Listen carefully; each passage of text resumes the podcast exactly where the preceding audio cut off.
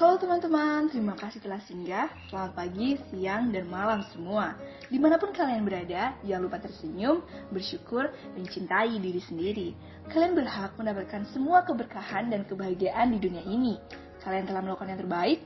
Kalian manusia yang luar biasa yang akan memiliki hari yang begitu istimewa yang tak pernah kalian bayangkan sebelumnya.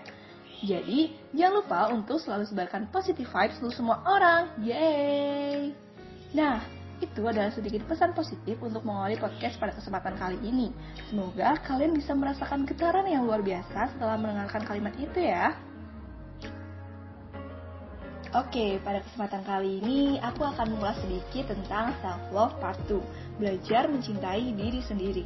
Oh ya, sekali lagi aku ingat ini, kalau pembahasan aku sampaikan tentu saja berdasarkan dari pengalaman atau bahkan sudut pandang aku sendiri sebagai podcaster. Nah, apabila ada penyampaian yang salah atau bahkan opini yang menyimpang dari apa yang aku sampaikan, kalian bisa banget nih buat kontak ke aku dan diskusiin hal ini bareng-bareng ngomongin tentang mencintai diri sendiri, teman-teman di sini udah belum nih untuk lebih mencintai dan menghargai diri sendiri? Jangan lupa untuk terus bersyukur atas apa yang telah kalian peroleh hingga titik ini ya. Dan jangan pernah jadiin omongan orang lain sebagai patokan atas seberapa jauh pencapaian akan kalian dapat. Serius deh, semua orang mempunyai tolak ukurnya masing-masing untuk menyikapi suatu keberhasilan mereka. Ibarat nih ya, ada satu biji beras. Satu biji beras ini bisa mempunyai arti yang begitu dalam atau makna yang begitu luar biasa bagi sebagian besar orang. Tapi di sisi lain, biji beras ini bisa tidak mempunyai arti sama sekali untuk sebagian besar orang lainnya. Jadi, kesimpulannya, setiap orang itu mempunyai kebutuhan atau bahkan kebahagiaannya masing-masing untuk menyikapi suatu hal berdasarkan kebutuhan mereka tentunya. Carilah kebahagiaan versi diri kamu sendiri tanpa mengikuti arus ataupun gelombang dari orang lain. Jadi setiap orang itu punya arusnya masing-masing, punya lajunya masing-masing, punya jalannya masing-masing untuk mencapai atau menggapai kebahagiaan yang mereka inginkan. Nah, mulai sekarang, mulailah menghargai setiap pencapaian kecil yang kalian peroleh. Oh ya, jangan lupa juga buat apresiasi diri atas setiap pencapaian yang terjadi pada hidup kalian ngomongin tentang apresiasi diri, kalian bisa banget nih buat gunain me time sebagai ajang untuk apresiasi diri. Serius deh, kalian butuh banget nih buat keluar sendiri, memandang luasnya dunia sendiri, memahami isi dunia sendiri tanpa terikat dengan orang lain. Karena kadang emang gak enak kalau misalnya jalan bareng orang yang mempunyai tujuan ataupun keinginan masing-masing. Aku pernah banget nih dan sering banget ngelakuin hal ini. Atau hal ini tuh emang sering banget terjadi sama aku. Jadi misalnya nih ya, aku hangout sama teman terus di satu titik kita nonton nonton film dan kita mempunyai keinginan yang beda-beda akan film yang pengen kita tonton aku pengen film A tapi temen aku pengen film B nah pasti salah satu bakal ada yang ngalah buat ngisihin apa keinginan dia kalau misalnya jalan sendiri kan enak mau ke mana pun mau ngelakuin apa pun bisa banget dengan luasa hmm tapi jangan jadiin jalan sendiri sebagai kebiasaan ya. Kalian tetap butuh teman, tetap butuh bersosialisasi dengan orang lain. Nah, setelah apresiasi diri, belajar mencintai diri sendiri salah satunya menjadi dermawan pada diri. dermawan gak tuh? Kadang kita perlu untuk memperlakukan diri dengan baik, dengan cara membeli setiap apa yang kita inginkan.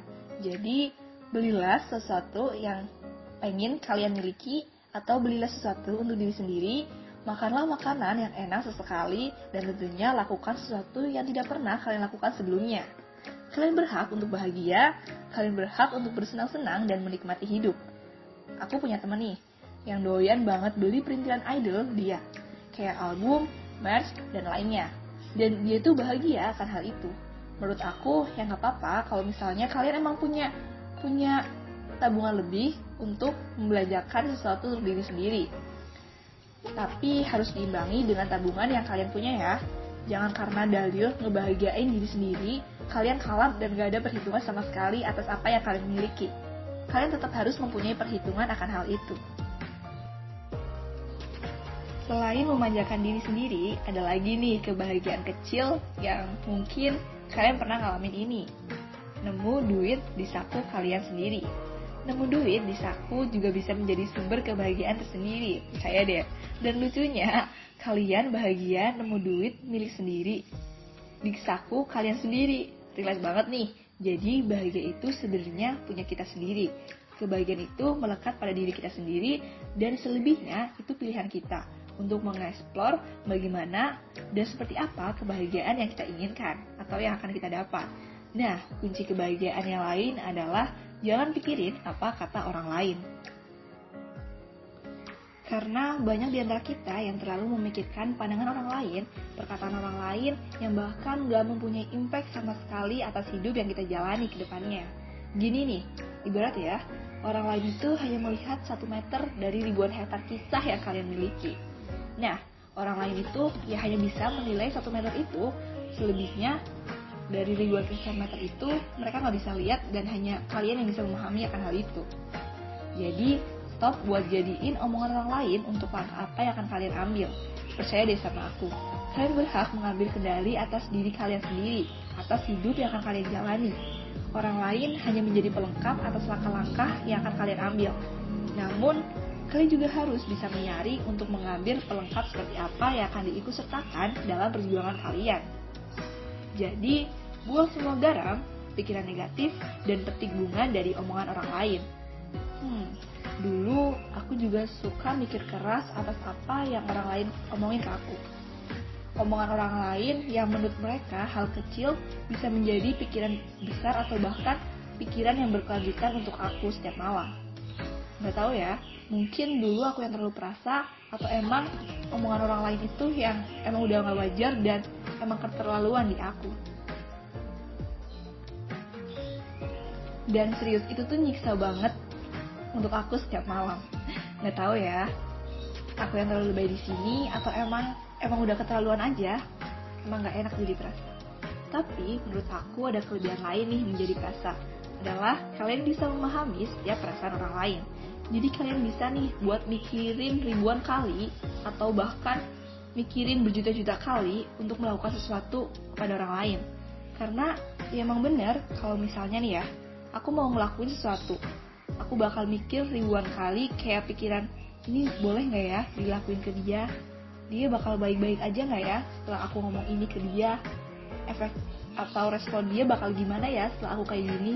Jadi pikiran kayak gitu tuh akan terus muncul di otak kalian untuk bisa menyaring apa yang emang boleh dilakuin dan apa yang emang gak baik buat dilakuin ke orang lain. Selain mikirin ribuan kali atau bahkan jutaan kali untuk apa yang akan kalian sampaikan ke orang lain, tipe-tipe perasa kayak aku ini juga biasa nyimpen semuanya sendiri nih. Mulai dari kebahagiaan, bahkan beban. Bahkan ketika lagi down sekalipun, mereka suka mendem semuanya sendiri. Gak suka dihibur dan memilih untuk diam dan berpikir untuk menyikapinya.